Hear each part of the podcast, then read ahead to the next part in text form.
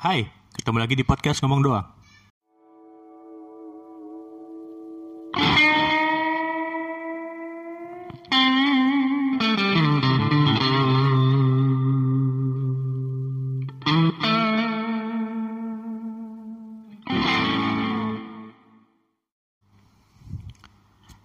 Kalian lagi denger podcast ngomong doang episode ke 9 kali ini.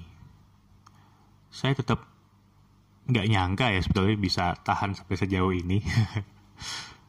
Terima kasih buat kalian yang sudah mendengarkan. Ya, semoga betah dan semoga nggak mengecewakan lah. Thank you.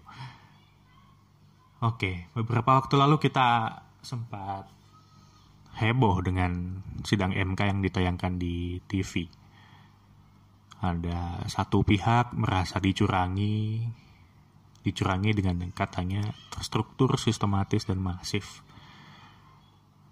Sementara penyelenggara yang dituntut, penyelenggara pemilu, dan pihak terkaitnya, yakni lawannya dalam pemilu ini, mencoba memahami apa yang dituntutkan dan yang dipermasalahkan tuh apa sebetulnya. Ya, sidang berjalan cukup jelas saya kira. Dan seperti yang kita tahu, MK akhirnya mementahkan segala apa yang dituntutkan dan apa yang disengketakan. Ya, buat saya sih cukup jelas ya. Nggak tahu kalau kalian ya. Saya sih sepakat dengan MK karena nggak ada satupun hal yang dituduhkan itu bisa dibuktikan oleh saksi apa pemohon yang yang memohon tuntutan itu. Nggak ada yang bisa dibuktikan. Ya saksi yang dihadirkan tuh dari pihak pemohon kualitasnya ya jelek sekali sih. Kalau nggak boleh dibilang mengenaskan nih sebetulnya.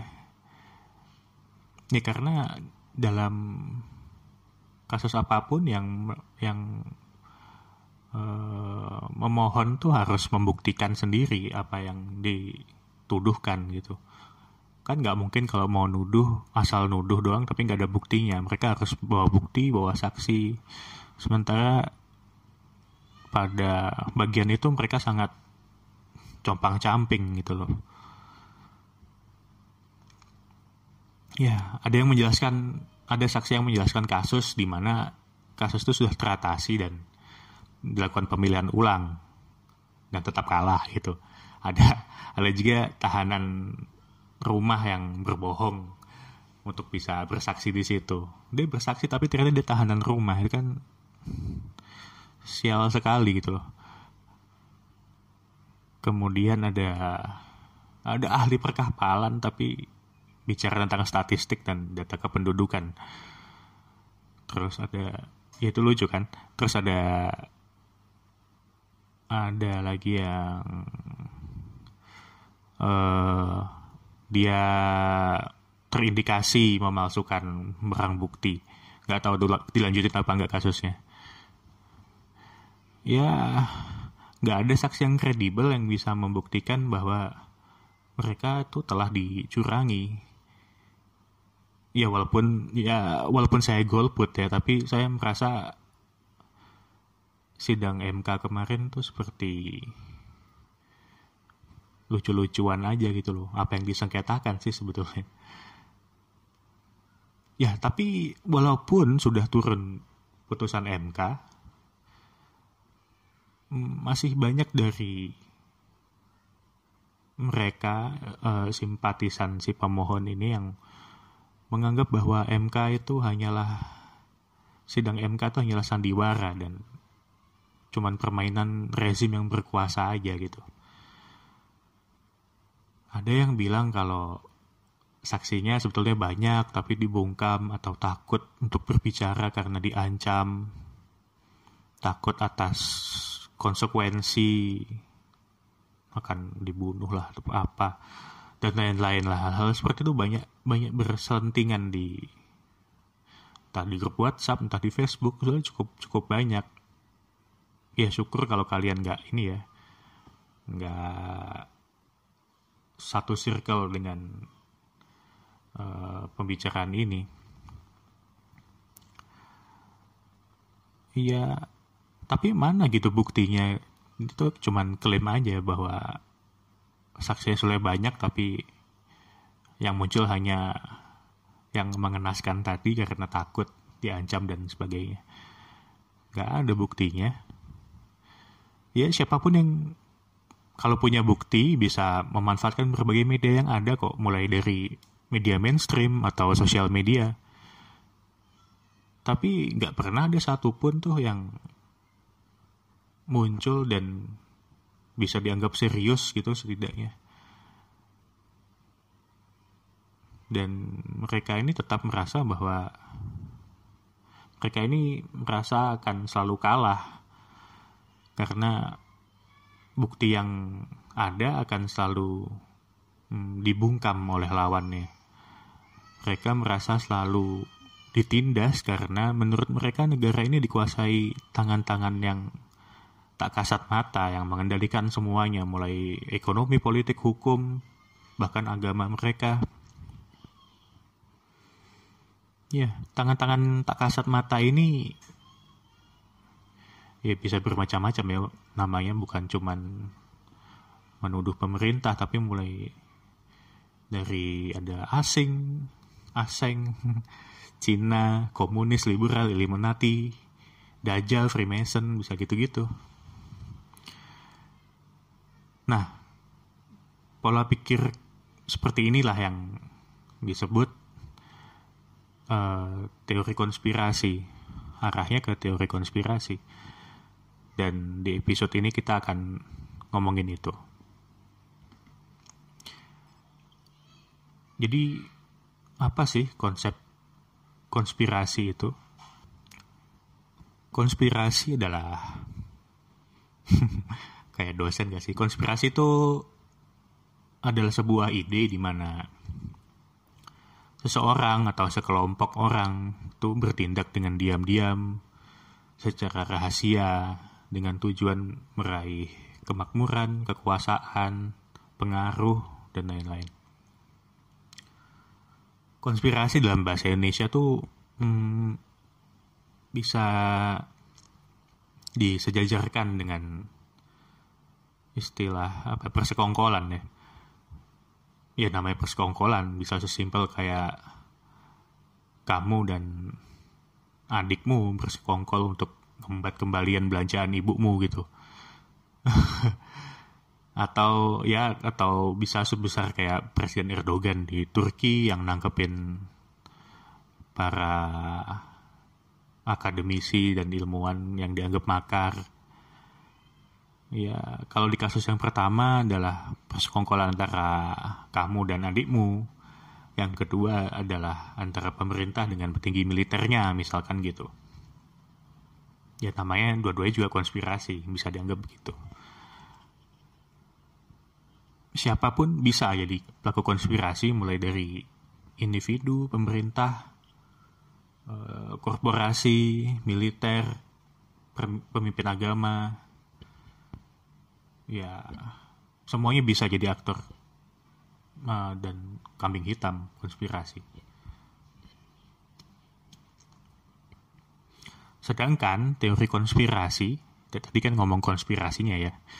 Kalau teori teori konspirasi adalah sebuah uh, cara untuk menafsirkan uh, sebuah kejadian, uh, sebuah cara untuk menafsirkan sebuah kejadian dengan beranggapan bahwa mungkin ada banyak hal yang jangan-jangan lebih dari yang kita bisa lihat di permukaan. Anggapan bahwa ada kekuatan jahat di balik segala hal yang seperti tadi bergerak secara rahasia untuk mencapai tujuan-tujuannya tadi. Kekuasaan dan lain-lain ini yang kemudian jadi uh, disebut konspirasisme ya, ini ca uh, cara lain untuk memandang dunia yang dianggap penuh dengan persekutuan jahat. Teori konspirasi sebagai cara yang digunakan untuk menjelaskan fenomena dunia ini sebetulnya cukup baru-baru aja kok. Hmm, dalam sejarah manusia ya sejarah peradaban manusia itu cukup cukup recent lah. Uh, ya bisa dikatakan hampir bersamaan dengan uh, dirintisnya media cetak. Tapi baru setengah akhir abad kemarin abad 20 ya teori konspirasi ini jadi sangat populer sebagai pola pikir jadi pola pikir akhirnya. Ya ini thanks to krisis kepercayaan masyarakat Amerika Serikat terhadap pemerintahnya sebetulnya. Karena banyak kasus mulai dari ya FBI dan J. Edgar Hoover pembunuhan Kennedy uh, skandal Watergate perang Vietnam dan banyak kasus lain yang membuat masyarakatnya kehilangan kepercayaan pada Eh, berita-berita uh, mainstream di Amerika Serikat dan mereka mulai berspekulasi. Spekulasi ini ya kan karena banyak yang tidak dijelaskan kayak pembunuhan Kennedy itu kan sebenarnya banyak banyak hal-hal yang menggantung gitu. Mereka akhirnya berspekulasi dan spekulasi ini berkembang jadi teori konspirasi yang kemudian dikapitalisasi, dieksploitasi atau dijual ya, dijual dalam bentuk buku, acara TV, film dan sebagainya itu pada dekade dekade 70-an. Oke, kita banyak e, menemukan kalau kalian suka baca buku online ya, kita akan menemukan bahwa buku teori konspirasi itu booming banget pada dekade 70-an ini.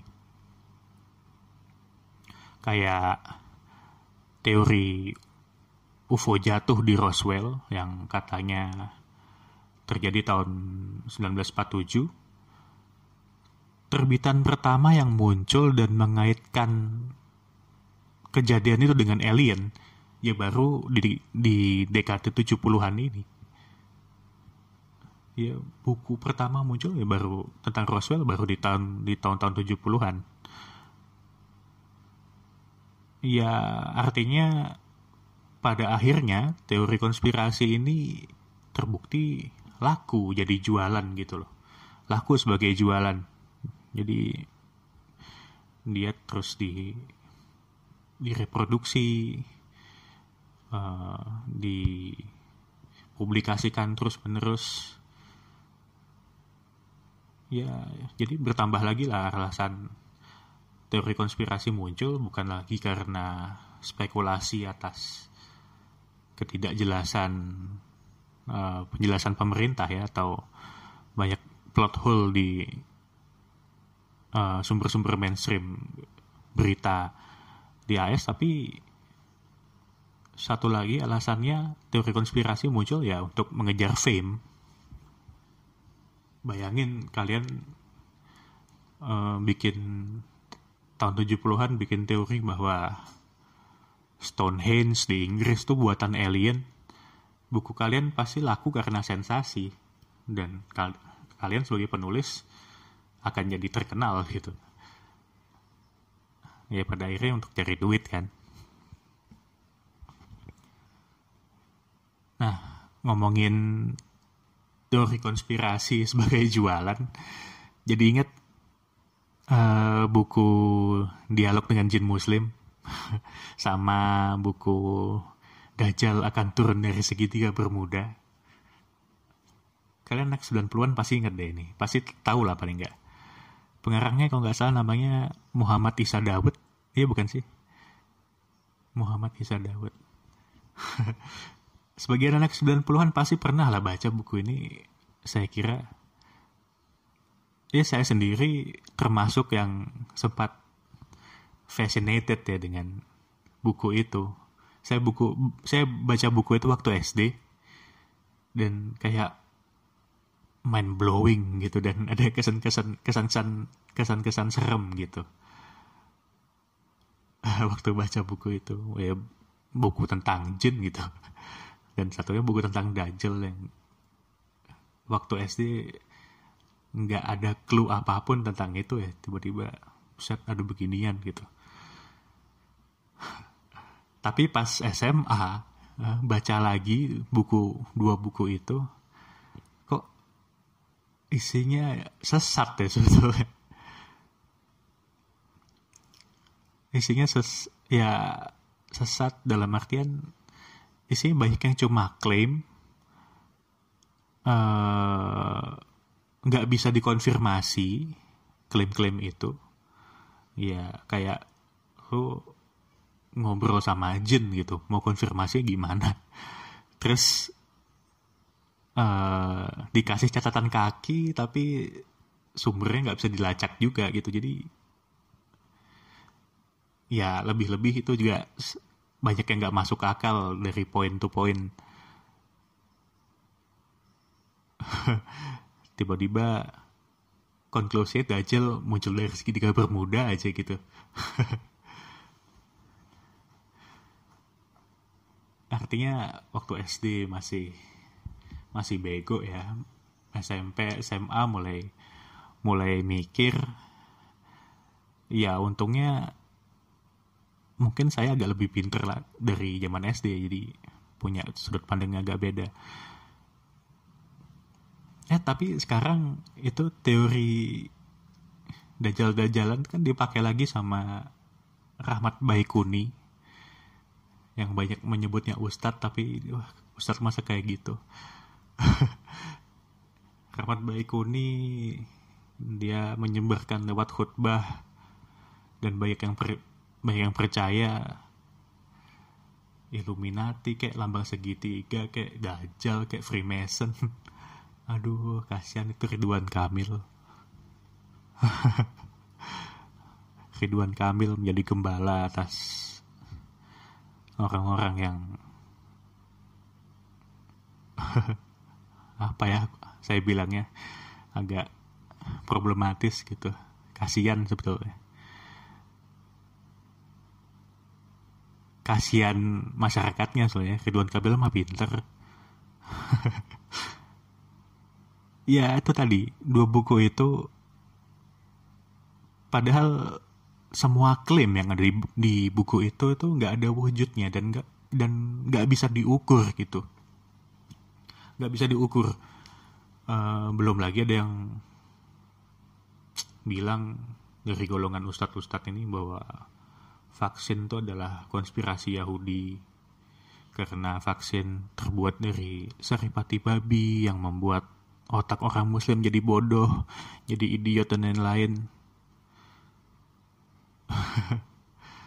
kasihan itu dokter-dokter yang sudah riset puluhan tahun untuk menghilangkan sebuah penyakit yang sebetulnya sudah sempat eradicated ya sudah sempat hilang di muka bumi ini cuman karena orang-orang anti vaksin ini.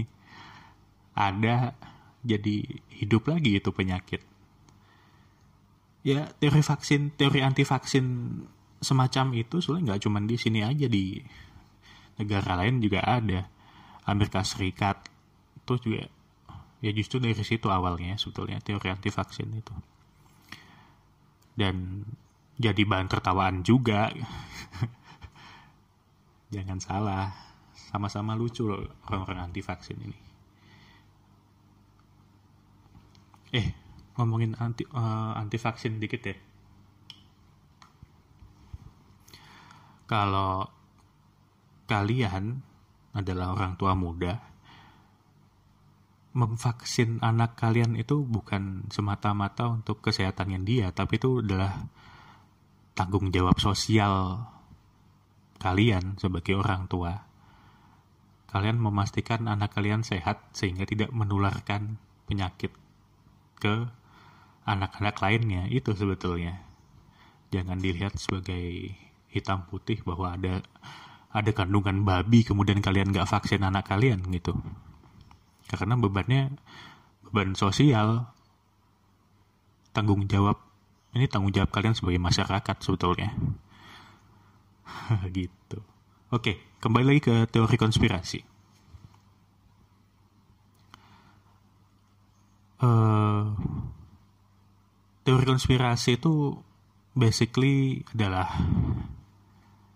shortcut jalan pintas. Ini sebuah pilihan instan ya pilihan yang gampang lah untuk memahami fenomena dunia yang se sebetulnya kompleks. Kalau kalau episode lalu saya bilang bahwa sejarah itu kompleks ya memang demikian dunia ini kompleks dan nggak bisa dipandang dengan hitam putih dan seperti biasa yang instan tuh nggak sehat nggak sehat dalam hal informasi yang instan tuh sering kali bikin sesat gitu. Teori konspirasi itu membuat ya seperti saya bilang di episode lalu, sejarah jadi cuman dipandang jadi pertarungan baik dan buruk aja gitu, benar dan salah. Kita lupa bahwa segala hal itu sebenarnya serba relatif dan punya konteksnya sendiri. kalau kata Tom Burnett dia bahas teori konspirasi juga di bukunya sebetulnya teori konspirasi itu adalah fenomena dunia modern kalau dulu uh, sebelum teori konspirasi ada ya dongeng tentang dewa-dewa tentang intrik-intrik kerajaan bahkan intrik-intrik di kayangan gitu. Oh ya kita sebetulnya punya cerita konspirasi sendiri kan. Cerita Ken Arok itu adalah cerita tentang persekongkolan kan. Dan banyak banyak hal-hal uh, yang masih sumir di cerita itu sehingga kita bisa mengembangkan dan kita bisa berspekulasi. Ken Arok yang dia disebut keturunan Batara Brahma, kemudian memesan keris ke Empu Gandring yang karena belum beres kerisnya kemudian keris yang masih panas itu ditusukkan ke Empu Gandring kemudian digunakan untuk membunuh bosnya Tunggul Ametung merebut istrinya dan kemudian memfitnah uh, kawannya Kebo Ijo terus karena Empu Gandring tadi yang dibunuh gak terima, Chris tadi dikutuk tujuh turunan, sehingga keturunan Ken Arok bunuh-bunuhan terus dengan Chris itu dan seterusnya. Ya cerita itu penuh dengan uh, konspirasi ya. Uh, Ken Arok bersekongkol untuk mencapai kekuasaan gitu. Ya dalam cerita itu banyak plot hole-nya seperti saya bilang tadi yang bikin kita berspekulasi. Nah, uh, spekulasi jadi teori konspirasi seperti biasa. Walaupun pada kasus Ken Arok jatuhnya uh, tafsir sejarah aja ya. Nah lanjut yang tadi bahwa kalau dulu itu ada dongeng tentang dewa, tentang nabi, tentang raja-raja. Sekarang cerita dan mitos-mitos itu beralih jadi teori konspirasi dengan bermacam-macam aktor dengan kambing hitamnya. Ada uh, ya itu tadi Freemason, Illuminati, Yahudi, uh, dalam beberapa hal CIA, ke KGB Rusia komunis dan lain-lain liberal. Ya cerita-cerita tentang orang kalah lah. Teori konspirasi itu jadi makin populer dengan ada internet. Yang saking cepatnya perputaran informasi ya saking populernya teori konspirasi itu jadi hmm, semacam racun buat pikiran masyarakat dan jadi semakin berisik dan mengganggu. Ya seenggaknya buat saya ya itu agak mengganggu. Ya berkat menjamur teori konspirasi di internet dan ketidakmampuan kita sebagai pengguna internet mengolah arus informasi yang sangat banyak, sangat mudah didapatkan e, masuk ke kepalanya dan masuk ke kepala kita dan itu kan harus diolah. Dan banyak orang yang masih nggak mampu mengolah berbagai macam informasi ini di kepalanya. Dan ini membuat dunia maya membuat dun uh, internet ini jadi tempat yang berbahaya gitu.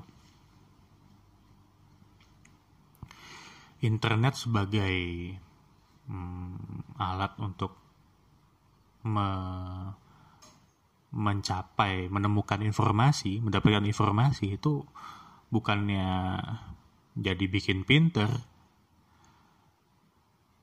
tapi ya perpaduan antara teori konspirasi hoax dan ya kebencian di internet itu menjadikan orang lebih suka untuk berpikir simplistik berpikir mengambil jalan pintas kemudian membatasi dunianya pada kepercayaannya sendiri kemudian timbul paranoia, paranoia karena ada kebencian tadi dan jadi malas untuk belajar lebih jauh.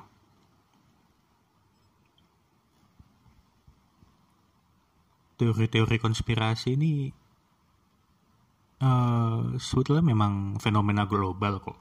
Kayak uh, ya teori anti vaksin tadi itu juga ada di Amerika ada di Afrika juga. Di Israel ada teori konspirasi tentang pembunuhan Perdana Menteri Yitzhak Rabin. Itu ya kalau di AS setara sama pembunuhannya JFK lah. Uh, terus di Inggris orang percaya bahwa Lady Diana itu dibunuh oleh kerajaan kerajaan Inggris karena dia jadi aktivis perdagangan senjata. Kemudian yang recent yang baru-baru ini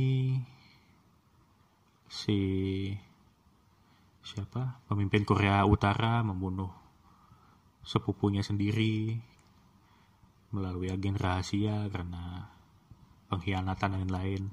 Itu juga teori konspirasi. Kemudian pembunuhan wartawan Saudi. Uh, ya itu konspirasi yang allegedly dilakukan oleh Muhammad bin Salman Al Saud pangeran Saudi itu atau yang mainstream maksudnya di mainstream di kalangan uh, pecinta teori konspirasi ya. Kayak Freemason, Illuminati dan kawan-kawan. Ya ada yang confirm uh, ada yang terkonfirmasi benar. Ada yang ya lebih banyak yang ngomong kosong sih tapi ya. Nah uh, menariknya kegelisahan kegelisahan atas uh, ketidakjelasan informasi, spekulasi, dan akhirnya lahir teori-teori konspirasi ini lebih banyak terlihat di negara yang iklimnya bebas dan demokratis sebetulnya. Dan negara yang masyarakatnya banyak teori konspirasi biasanya uh, nggak punya tradisi ilmiah yang kuat. Iya, kayak Indonesia kan banyak yang baca teori konspirasi ya karena simply sebetulnya nggak diajarkan metode berpikir yang baik, yang disiplin gitu. Kalau menurut saya sih, soalnya uh, filsafat logika itu soalnya masuknya SMA deh bukan awal kuliah ya. Itu paling nggak masuk ke pendidikan 9 tahun lah. Ya itu buat memperkuat tradisi ilmiah aja sebetulnya. Karena semakin kuat tradisi ilmiah uh, suatu bangsa mestinya ya sedikit yang percaya hoax lebih sedikit yang percaya teori konspirasi ya intinya mereka punya cara berpikir yang lebih sehat lah hmm. Christopher Hitchens penulis ya dia bilang bahwa teori konspirasi itu adalah asap knalpotnya asap pembuangannya demokrasi gitu Iya, dia teori konspirasi ini deras sekali arusnya di uh, sebagai bagian dari kebebasan mengakses informasi. Tapi di saat yang sama, ya teori konspirasi itu adalah sebuah penyalahgunaan informasi sebetulnya. Karena informasi yang dia dapat itu diolah dengan pola pikir yang salah dan disebarkan secara membabi buta di internet dianggap sebagai kebenaran yang padahal itu ya bisa dibilang bisa dibilang sebagian besar sampah gitu makanya dia bilang tuh konspirasi itu adalah penyalahgunaan informasi. Sebaliknya, di pemerintahan otoriter, totaliter, pemerintahan diktator, pemerintahan fasis, mereka menutup segala bentuk informasi di luar informasi resmi yang dikeluarkan oleh rezimnya. Ya, karena pemerintahannya sendiri yang uh, dikelola dengan konspirasi internalnya sendiri itu pemerintahannya sendiri itu konspirasi intinya. Mereka berusaha untuk tetap berkuasa di kelompoknya sendiri dan menutup masyarakatnya dari realita yang membuat mereka membuat kekuasaan mereka terganggu. Ya dengan propaganda dengan ya hubungannya ke propaganda sih. Mereka berkonspirasi berkuasa kemudian dengan propaganda berusaha mengisolir masyarakatnya yang dipimpinnya itu uh, supaya terhindar dari unsur-unsur eksternal yang bisa mengganggu kekuasaannya mereka. Kita akan bahas propaganda mungkin tapi ya nantilah ya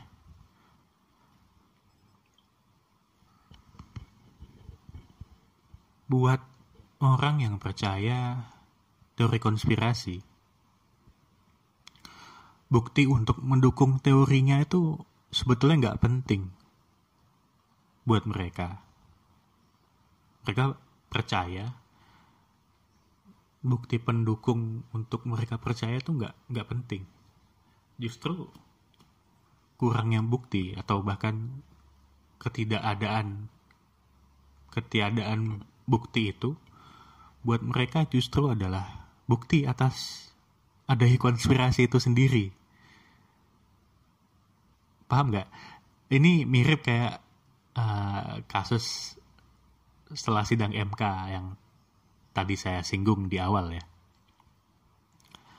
Jadi gini, buat mereka ketika ada teori konspirasi yang tidak punya cukup bukti, mereka bisa klaim bahwa ada kekuatan-kekuatan yang menghilangkan atau menyembunyikan bukti-bukti uh, yang mereka percaya ada sebetulnya, cuman tidak bisa dibuktikan karena ada kekuatan-kekuatan yang menghilangkan dan menyembunyikan itu. Sementara itu, ketika sebuah teori konspirasi ya atas atas suatu kejadian ya, kemudian terbantahkan dengan bukti yang jelas dan nyata, artinya bahwa teori konspirasi tadi tidak benar, maka buat si ahli teori konspirasi itu malah menjadi bukti tambahan bahwa ada pihak-pihak yang ketakutan uh, rahasia mereka akan terbongkar dan berusaha keras untuk menutupi bukti yang asli gitu. dan menurut mereka ini yang percaya pada teori konspirasi orang-orang jahat sudah berkomplot dan menguasai media, ekonomi, hukum, pendidikan, pemerintahan, politik sehingga mereka sehingga bagi mereka kebenaran memang tidak akan pernah muncul. Ya karena mereka yang menuduh akan selalu si ini ya mereka yang percaya teori konspirasi ini akan selalu di diskreditkan akan dijadikan bahan tertawaan terus gitu. Ya padahal memang lucu ya. Orang nggak ada buktinya tapi dia ada adain disambung sambungin gitu.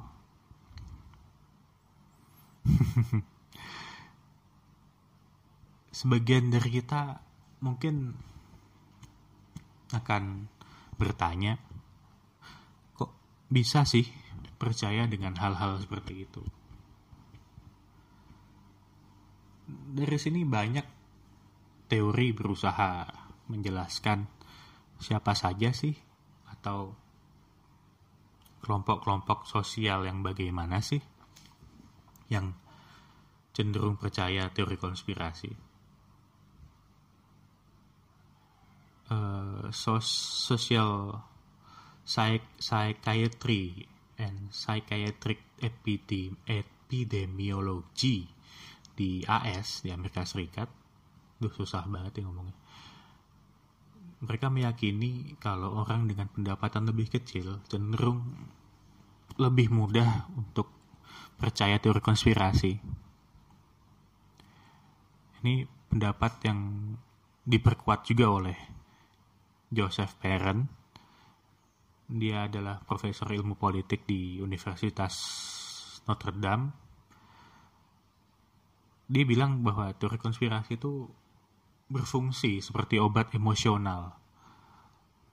Orang-orang yang pendapatannya lebih kecil atau tidak mendapatkan akses ekonomi uh, biasanya nggak mau menyalahkan dirinya sendiri.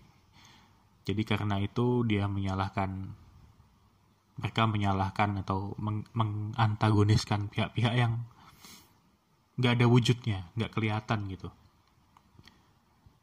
Ya kalau kayak kalau di sini yang disalah-salahkan uh, asing gitu, asing, liberal, PKI dan lain-lain. Padahal PKI udah lama bubar loh, masih dijadikan kambing hitam aja. Kok bisa itu loh ada Purnawirawan Jenderal ngomong PKI bangkit lagi dan punya 15 juta kader. Iya, itulah teori konspirasi. Gak masuk akal, tapi karena sensasional dan bercampur dengan ketakutan dan ancaman, jadi ya ada aja yang percaya gitu. Padahal ya, kalau PKI punya kader 15 juta, nggak usah untuk mencapai kekuasaan nggak perlu kudeta. Udah ikut pemilu tanpa tanpa perlu curang dan lain-lain mereka pasti menang gitu. Kadernya 15 juta yang nyoblos berapa gitu loh? Gila nggak? Emosi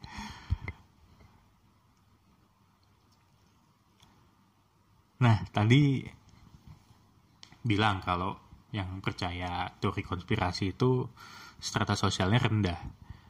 Tapi kata Profesor Chris French dari Goldsmith University London,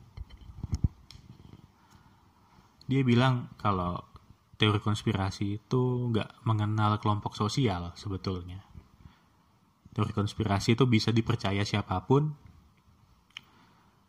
Ya kalau dia bilang mau kiri, mau tengah, mau kanan, mau progresif, mau konservatif, mau tua, mau muda, cewek, cowok, mau gay, mau straight, semuanya bisa jadi orang yang percaya sama teori konspirasi gitu.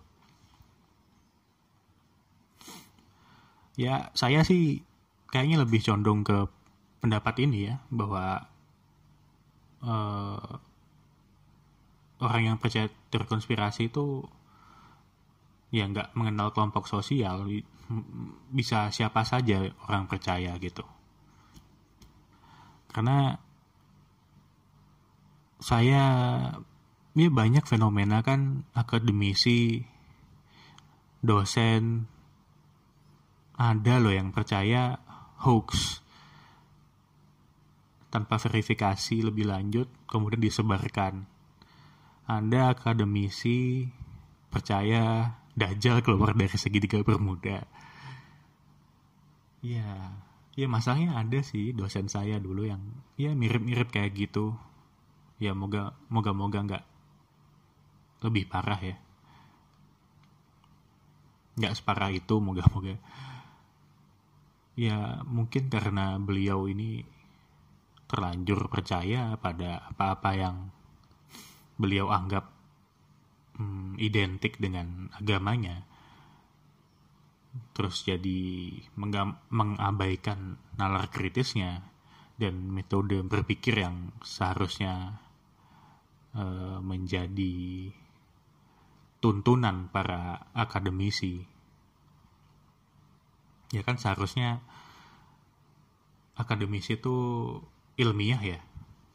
Tapi nyata karena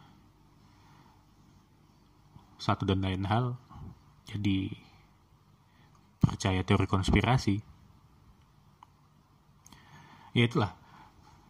Ketika nalar kritis hilang, nalar kritis hilang mereka jadi uh, percaya satu hal tanpa harus tanpa merasa harus verifikasi ini kan sebetulnya jadi korban propaganda ya. Ya itulah jahatnya propaganda yang tadi saya sempat singgung. Propaganda itu cirinya potongan informasi yang di maui aja yang di yang dikehendaki saja yang dipilih untuk kemudian didramatisasi atau dipelintir uh, secara bias atau diberi framing yang nggak adil.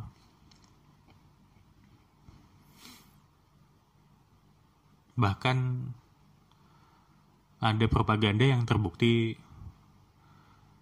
sebagai informasi palsu alias hoax ya seperti yang kalian lihat sendiri waktu pilpres kemarin di kedua belah kubu mereka punya hoaxnya masing-masing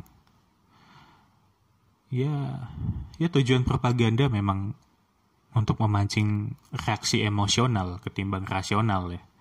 Jadi emang yang dirangsang itu adalah emosional kalian. Jadi makanya kalau ketika ada orang membaca sebuah informasi yang nggak jelas kemudian langsung percaya dan jadi emosi jadi jadi emosional nah itu gejala-gejala orang yang uh, termakan propaganda.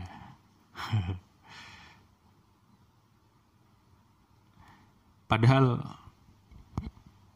padahal propaganda itu uh, kepentingan mereka yang punya modal aja sebetulnya kepentingan mereka-mereka yang ingin berkuasa.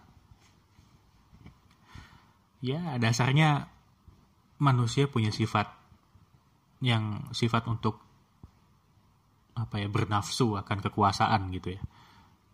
Bernafsu atas power. Beberapa di antaranya adalah para diktator. Diktat diktator ini pada umumnya emang suka menggunakan teori konspirasi. Karena teori konspirasi itu adalah alat instan untuk membutakan masyarakat untuk mematikan nalarnya untuk mengisi otak masyarakat dengan ketakutan dan kebencian. Lihatlah uh, Hitler Nazi. Itu kan penuh dengan teori konspirasi rezimnya. Mereka uh, membenci orang-orang Yahudi karena uh, teori mereka percaya teori konspirasi tentang rasisme terhadap orang Yahudi dan bahwa ras mereka lebih unggul daripada ras lain. Nah, kalau sudah ada uh, ketakutan dan kebencian, ya diktator akan dengan mudah melegitimasi kekuasaannya. Ini kayak orang bilang, eh ada cewek cakep. Terus ketika kamu distracted ngeliat ke arah yang ditunjuk ada cewek cakep tadi, uh, si yang bilang ini ngambil dompet kalian gitu. Nah, buat para diktator ini prinsipnya sama. Teori konspirasi itu dibentuk oleh mereka supaya kamu supaya kalian melihat ke tempat yang salah. Jadi kalian harus benci uh, Yahudi, kalian harus benci liberal, kalian harus membenci komunisme karena ini, karena ini, karena ini. Mereka makan bayi, misalnya kayak gitu ya. Tapi di sisi lain uh, ada tanah kalian, tanah masyarakat digusur, dirikan kebun sawit, terus uh, yang terusir dari rumahnya dijadikan real estate. Uh, kalian nggak nggak dapat jaminan kesehatan jaminan sosial. Kalian harus beli air mineral untuk minum padahal harusnya air itu gratis. Ya. Ya Indonesia nggak sampai kayak gitu sih sebetulnya kecuali zaman Soeharto dulu.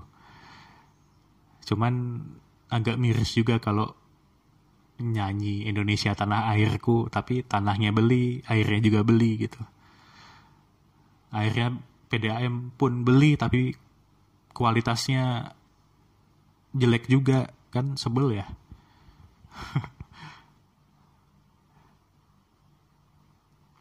Ya gitu deh. Jangan jangan mudah termakan propaganda karena itu hanya trik copet. Kalau ngomongin propaganda mau nggak mau ingatnya ke rebut-rebut pilpres kemarin ya. Mau diakui atau enggak kedua kubu sudah membuat propagandanya masing-masing. Atau seenggaknya menikmati hasil dari propaganda itu. Ya namanya propaganda ya dampaknya itu ke emosional dan susah sekali hilangnya ributnya masih sampai sekarang kan?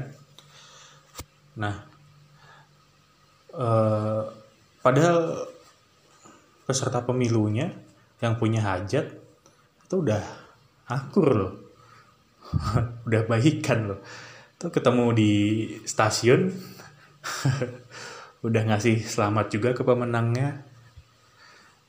Ya ya gestur yang baik sih ya ini gestur yang baik dan perlu dipuji dan ditiru sebetulnya cuman segala propaganda yang dibikin sebelumnya itu dan mereka yang kemakan propaganda pemilu kemarin itu ngamuk, benci dan berantemnya jadi sia-sia kan? ya enggak sih? Udah capek-capek berantem di Facebook, di Twitter. Ya taunya setelah Pilpres cuma baikan, ya, baikan lagi mereka. Kayak nggak ada apa-apa gitu sebelumnya ya baik sih baik sih itu gestur yang baik cuman ya itulah propaganda dia dibuat untuk memang untuk kekuasaan gitu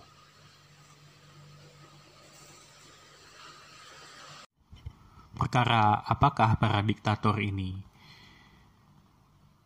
uh, percaya pada apa yang mereka katakan, apa yang mereka propagandakan itu lain hal karena yang terpenting buat mereka ya cuma kekuasaan gitu. Oke, okay. uh, saya sudah pengen pengen cerita, pengen nyacat tentang teori-teori konspirasi. Tapi banyak banget ya. Enaknya bahas angka mana gitu. Ini aja. Ke apa? Ancient Alien. Kalian tahu dong Ancient Alien? Teori-teori teori-teori Ancient Alien.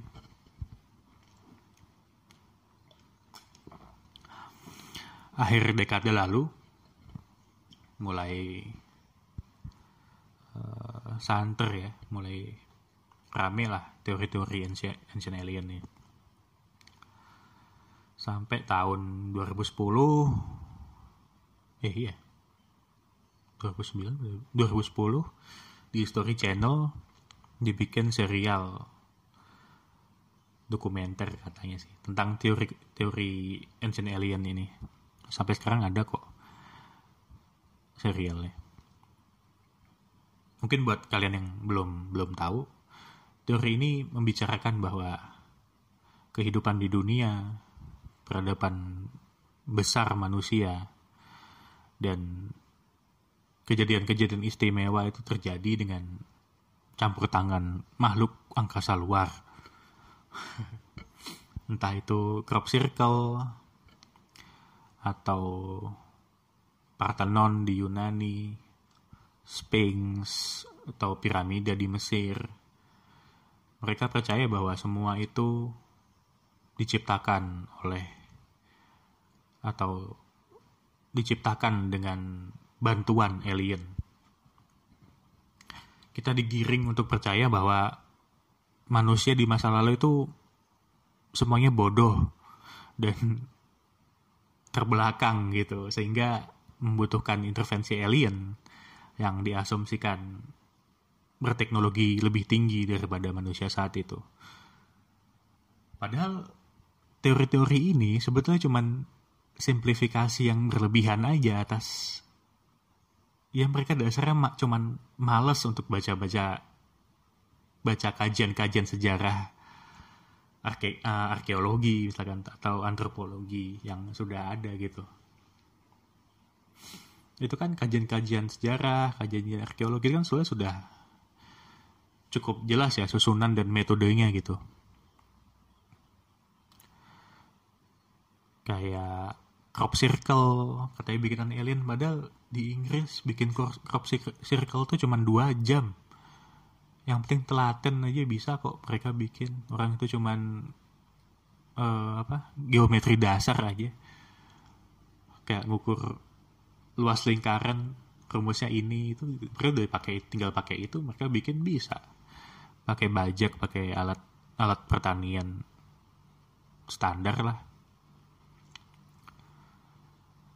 Mereka pikir orang-orang zaman dulu bodoh dan orang-orang zaman sekarang bikin crop circle aja harus ada alien dulu gitu. Ya padahal orang-orang zaman dulu ya itu juga bisa mikir dan mereka punya kaum intelektualnya sendiri. Dulu bahkan udah ada perpustakaan terbesar di Alexandria di Mesir. Itu yang perpustakaan yang jadi arsip pengetahuan dari berbagai belahan dunia dan jadi rujukan ilmiah dunia waktu zaman itu. Dan jangan lupa bahwa orang zaman dulu punya lebih banyak waktu luang untuk merenung, untuk berpikir daripada sebagian besar kita yang harus kerja 40 jam per minggu gitu. Yang belum lagi lem kalau lembur, belum lagi kalau terjajah gadget, game dan lain-lain. Mereka punya banyak waktu untuk berpikir orang-orang zaman dulu ini.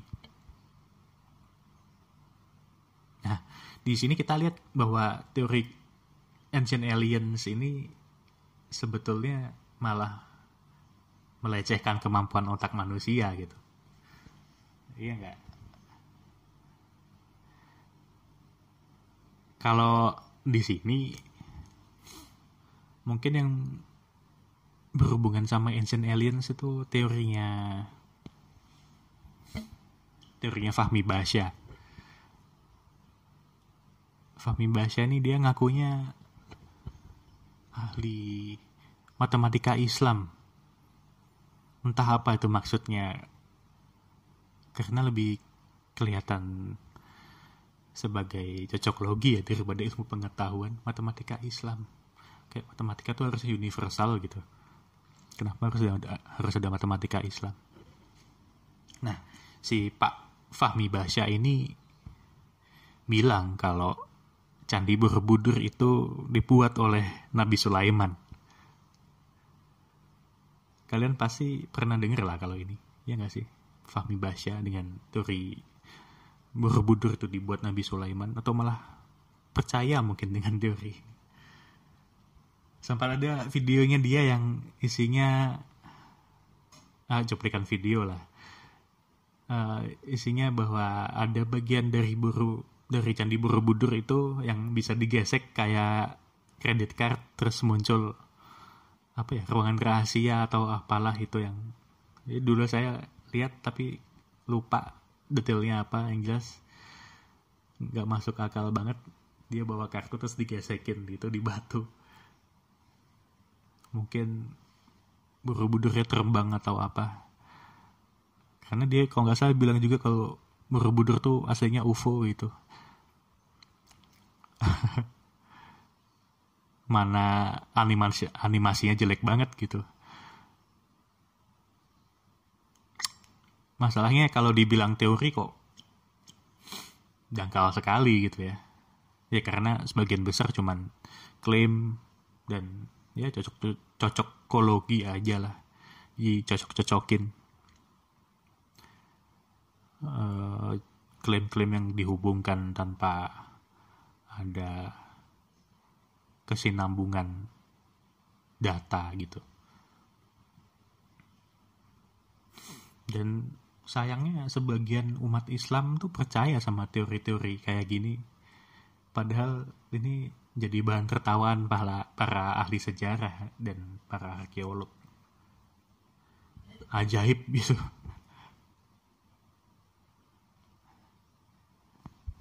Terus ada teori harta karun Soekarno. Jadi sorry. Ceritanya kalau nggak salah uh, raja-raja Nusantara itu berkumpul uh, ngumpulin uangnya, hartanya Eh, dan dititipkan kepada Soekarno yang oleh Soekarno katanya dijadikan modal untuk membangun Bank Dunia, World Bank. Atau semacam itulah.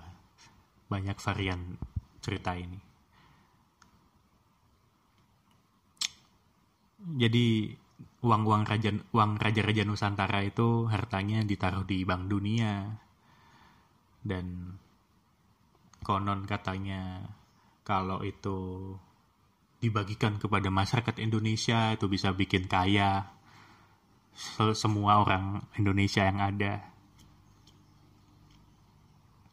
Kemudian akhirnya teori ini adalah penipuan yang terus berulang-ulang dan memakan korban. Jadi modusnya gini biasanya uh, beberapa orang uh, bercerita tentang kisah ini bahwa ada uh, uang raja-raja Nusantara, raja-raja di Indonesia ini dikumpulkan dan kemudian di ditaruh, ditabung di Bank Dunia. Tapi karena satu dan lain hal kita tidak bisa mengaksesnya. Dan orang-orang ini minta uang, minta modal untuk mereka bisa um, mengakses harta raja-raja Nusantara tadi di Bank Dunia. Atau ya kayak gitulah. Ah uh, Ratna Sarumpait sebelum dia kena kasus operasi plastik yang kata dipukulin itu. Dia kan sempat heboh karena dia menampung orang-orang yang katanya membawa bukti paper setinggi paper yang satu berapa sih katanya? Pokoknya tinggi banget filenya. Yang membuktikan bahwa uh, sebetulnya ada harta orang Indonesia yang disita sama Bank Dunia dan pemerintah menutup-nutupi itu gitu. Padahal ngapain Bank Dunia fungsinya bukan buat itu kali. Aduh. Ya artinya karena Sarumpait juga kena dengan dengan hoax itu gitu. Dengan teori konspirasi itu. Kayaknya dia sincerely percaya deh. Alih-alih uh, ikut bersekongkol ya. Oh ya, saya juga punya cerita tentang tentang teori konspirasi harta karun Soekarno ini. Uh, ini teori yang banyak variannya, kalian bisa cari sendiri di internet. Dan sudah cukup populer kok. Nah, saya dulu sempat uh, bekerja di sebuah bank yang bisnisnya adalah kredit pensiun. Uh, jadi kredit pensiun tuh kayak kalau PNS atau tentara kan kalau pensiun mereka dapat uang pensiun. Nah uang pensiun ini bisa dikreditkan dan tinggal motong gaji pensiunnya aja gitu bayarnya. Nah suatu saat saya bertemu dengan seorang pensiunan. Kok nggak salah pensiunan apa ya? Pensiunan tentara kayaknya. Ya. Saya lupa. Sebut saja Pak M. Pak M ini saya waktu itu masih di Bali ya. Jadi saya bertemu dengan Pak M ini di Bali dia dia bilang dia mau meminjam uh, uang. Dia mau kredit sebesar hampir 200 juta. Dan saya tanya, Pak, untuk mau usaha apa dengan uang ini? Oh, enggak mas, kata dia. Uh, saya mau uh, pakai uang kredit ini untuk sebagai model untuk mencari harta karun Soekarno katanya. Oh, harta karun Soekarno. Saya merasa, wah ini kan kena tipu nih. Tapi dia sendiri sepertinya merasa bahwa dia paranormal gitu. Jadi saya nggak bisa nggak bisa nggak nggak berani membantah ya karena takutnya nggak sopan dan dia customer gitu. Dia cerita bahwa uh, lokasi harta karunnya kemungkinan kok nggak di Banyuwangi ya di Bali katanya. Dan saya sudah cukup dekat dengan saya sudah sudah cukup dekat untuk menemukan harta karun itu. Oke. Ya saya sih sudah cukup berusaha untuk mencegah dia menggunakan uangnya untuk hal-hal yang mubazir gitu. Tapi apa daya uh, bos saya butuh target? Ya sudah saya diam saja. Dan uh, setahun kemudian si Pak Misman meminjam lagi. Dan sisa gajinya hanya tertinggal 10% untuk kredit yang kedua dalam dalam kredit yang kedua ini untuk masalah yang sama ditambah lagi ternyata pada kredit yang pertama uangnya sebagian uangnya dilarikan oleh putranya kalau nggak salah. Duh kasihan sekali. Sementara saya tanya bagaimana pak? Apakah ketemu harta karun ya? Dia jawab ah ternyata bukan di situ tapi saya dijanjikan oleh teman saya bahwa uh, kita akan mencari lagi gitu di suatu tempat di, di tempat ini gitu. Karena yang sebelumnya uh, sudah katanya apa sih sudah diketahui banyak orang sehingga harus disembunyikan lagi gitu nggak tahu itu konsepnya gimana cuman ya begitu katanya. Ya sudah akhirnya dia pinjam uang lagi. Dan sisa gaji bulanannya hanya 10% dari gajinya. Hidup macam apa sih? Hidup dengan kurang dari 500 ribu per bulan. Di tempat yang paling murah pun kayak sulit.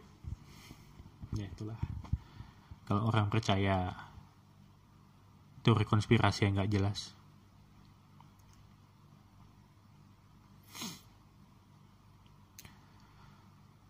Ya kalau ada yang bisa dikagumi dari orang-orang yang percaya atau menyukai teori konspirasi adalah kemauan mereka untuk kritis pada sumber mainstream.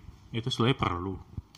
Cuman sayangnya tidak di, ini tidak diikuti dengan kritisisme atas apa yang mereka percaya dan kritisisme terhadap diri mereka sendiri kalau kita ngomongin skeptisisme ya bahwa kita harus mempertanyakan dan mencari celah dari informasi atau pengetahuan yang kita anggap layak dipercaya. Skeptisisme ini harusnya nggak nggak boleh pilih-pilih. Selain keluar juga harus ke dalam juga. Kayak yang tadi sudah kita singgung bahwa orang yang nggak bisa melakukan ini orang yang nggak bisa uh, otokritik ke dirinya sendiri atau informasi yang dia percaya biasanya adalah orang yang udah kemakan propaganda gitu kita harus selalu ngecek apakah yang kita percaya selama ini benar atau jangan-jangan kita melihat atau mengindra informasi itu dengan cara yang salah. Jadi inget buku tebel tentang kalian tahu mungkin ya buku tebel tentang Atlantis itu ternyata ada di Indonesia gitu. Ini bahkan si Jiwa Tejonya percaya gitu yang nulis tuh adalah seorang ahli fisika kan nggak nyambus bong nggak nyambung bos itu buku isinya cocok logi, klaim, dan sebetulnya sedikit yang bisa dianggap serius. Kenapa? Karena tiap ilmu itu ada metodenya masing-masing. Kalau arkeolog biasanya akan cari bukti artefak atau manuskrip. Mereka melakukan penggalian di situs-situs yang berhubungan, kemudian bukti yang ada dibandingkan dengan yang lain, dicari korelasinya, keterkaitannya dengan temuan-temuan yang ada sebelumnya. Ya beda lah sama cocok logi. Cuman nyambung-nyambungin, cuman connecting the dot yang nggak jelas korelasinya.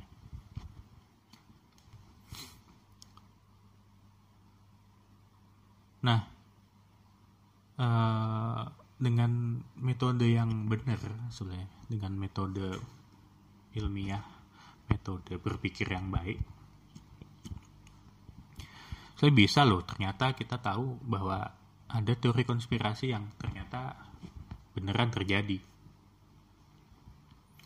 kayak uh, tas keji syphilis eksperimen di Amerika Serikat tahun 1932 jadi tahun 1932 itu ada namanya US Public Health Service atau mungkin kalau di sini itu institusi di bawah Kementerian Kesehatan ya. Mereka bikin sebuah study group uh, kelompok peneliti untuk meneliti perkembangan penyakit sifilis yang nggak bisa disembuhkan waktu itu. Nah, objeknya adalah 300 eh itu subjek ke bawah objek ya. Pokoknya sum, uh, yang diteliti itu adalah 399 warga kulit hitam yang terkena sifilis. Para pasien kulit hitam ini cuman dibilangin bahwa mereka dapat healthcare gratis, dapat makanan gratis, termasuk kalau nggak salah pemakaman gratis juga. Tapi selama enam bulan doang, cuman mereka dibilangin bahwa mereka dapat fasilitas itu selama enam bulan. Tapi mereka nggak dikasih tahu kalau mereka kena sifilis dan nggak diobatin juga. Jadi yang diperiksa hanya uh, penyakit sifilisnya saja. Ya kasarnya cuman melihat bahwa apakah sifilis ini akan membunuh mereka gitu perkembangannya gimana. Nah para pasien ini dapat fasilitas tadi selama enam bulan dan enam bulan gitu ya eh, fasilitas itu akhirnya selesai. Padahal diam-diam penelitian ini terus berjalan sampai 40 tahun. Jadi para pasien ini cuma dibiarin mati karena sifilis saja kasarnya gitu. Cuman untuk, dilihat penyakitnya aja tanpa diinformasikan apa penyakitnya dan bagaimana pengobatannya. Cuman apa ya kok nggak salah di mereka dibilangin bahwa mereka itu cuman punya mereka sakit namanya bad blood bad blood kalau mungkin kayak darah kotor gitu ya dan gak diobatin. Para penelitinya beralasan bahwa mereka mereka do no harm kepada uh, warga kulit hitam itu karena menurut mereka penyakitnya nggak bisa disembuhkan dan uh, bahwa kalaupun dilakukan edukasi untuk mencegah penyebaran penyakit sifilis kepada pasien kulit hitam ini, toh menurut mereka uh, itu tidak bisa menghambat nafsu seks warga kulit hitam ini. Jadi uh, kalaupun diedukasi, mereka akan tetap menularkan sifilis ini. Dari sini kan kita bisa lihat motif-motif ada kecenderungan rasis di sini. Hingga sampai tahun 47, 1947, uh, penisilin uh, di uh, apa ya bukan diresmikan diakui untuk menjadi obat standar bagi sifilis. Dan para pasien ini nggak juga diberikan obat untuk menanggulangi penyakitnya. Bahkan dihambat akses informasinya mengenai penisilin ini hingga pada tahun 60-an tahun 60-an kan lagi rame-ramenya warga kulit hitam progresif menuntut persama persamaan haknya dengan warga-warga kulit putih. Nah, di sini muncul selentingan bahwa ada sebagian dari golongan kulit hitam dijadikan kelinci percobaan oleh pemerintah Amerika Serikat. Dari sini, ya ini wujudnya teori konspirasi ya. Uh, kemudian tahun 1970 baru ada whistleblower uh, jadi dia melihat ada pelanggaran etis ini. Kemudian karena tidak direspon oleh pemerintah akhirnya tahun 1970 dia lapor ke media. Kok nggak salah Washington Post ya dan jadi rame setelah itu jadi headline tahun 72 itu cukup ya cukup lama lah jaraknya antara dia whistle blowing sampai akhirnya jadi headline. Dan karena rame, akhirnya dibuat undang-undang yang mengatur tentang penelitian terhadap manusia, termasuk juga pendirian badan pengawas penelitian terhadap manusia tadi. Sampai akhirnya tahun 1997, Bill Clinton atas nama pemerintah federal minta maaf kepada warga AS atas kejadian pelanggaran etis penelitian di Tuskegee mengenai sifilis ini. Hebat ya, soalnya presidennya minta maaf karena terjadi pelanggaran etis yang merusak hak-hak asasi manusia warganya. Ya, teori konspirasi bisa jadi benar kalau buktinya bisa diperoleh dengan metode yang benar juga dan bisa dikonfirmasi tanpa harus connecting the dot yang ya yang nggak ada korelasinya yang aslinya nggak ada hubungannya sebenarnya ada beberapa kasus juga sih yang beraroma teori konspirasi tapi terbukti itu beneran terjadi ya kalian bisa cari sendiri lah kayak keterlibatan CIA untuk menggulingkan rezim-rezim yang bersemangat sosialisme termasuk di Indonesia zaman tahun 60-an dulu. Kan dokumen CIA-nya sendiri dibuka kan akhirnya. Ada juga Operation Northwoods, uh, Project MK Ultra yang uh, menggunakan uh, memanfaatkan LSD gitu untuk untuk kepentingan sains dan pertahanan. Ya kalian cari sendirilah detailnya. Udah panjang banget ini. Udah sejam lebih kayaknya ya. Itu deh. Uh, oh ya, nambah lagi dikit. Uh, kemarin saya lihat Spider-Man Far From Home. Filmnya bagus. Uh, ya, tidak menyangka setelah Endgame Marvel masih bisa cukup menarik. Saya kira setelah Endgame mungkin DC akan lebih bagus. Nyata Marvel masih lebih menarik. Dan ada quote quote yang dikeluarkan oleh Mysterio musuhnya. Mysterio ini bilang dia kan ahli memanipulasi kenyataan gitu dengan teknologi dan lain-lain. Dia bilang people they need to believe nowadays they will believe anything orang-orang itu butuh untuk percaya dan sekarang ini mereka akan mempercayai apa pun. Ya ada sebagian orang yang percaya metode saintifik. Karena ya karena prosesnya yang uh, prosesnya yang lebih terjamin ya menurut dia. Ada yang percaya agama ada yang menempuh kepercayaannya dengan proses berpikir yang panjang. Ada yang percaya tanpa syarat ada pula yang mengambil jalan pintas dengan mempercayai teori konspirasi atau mempercayai kata orang.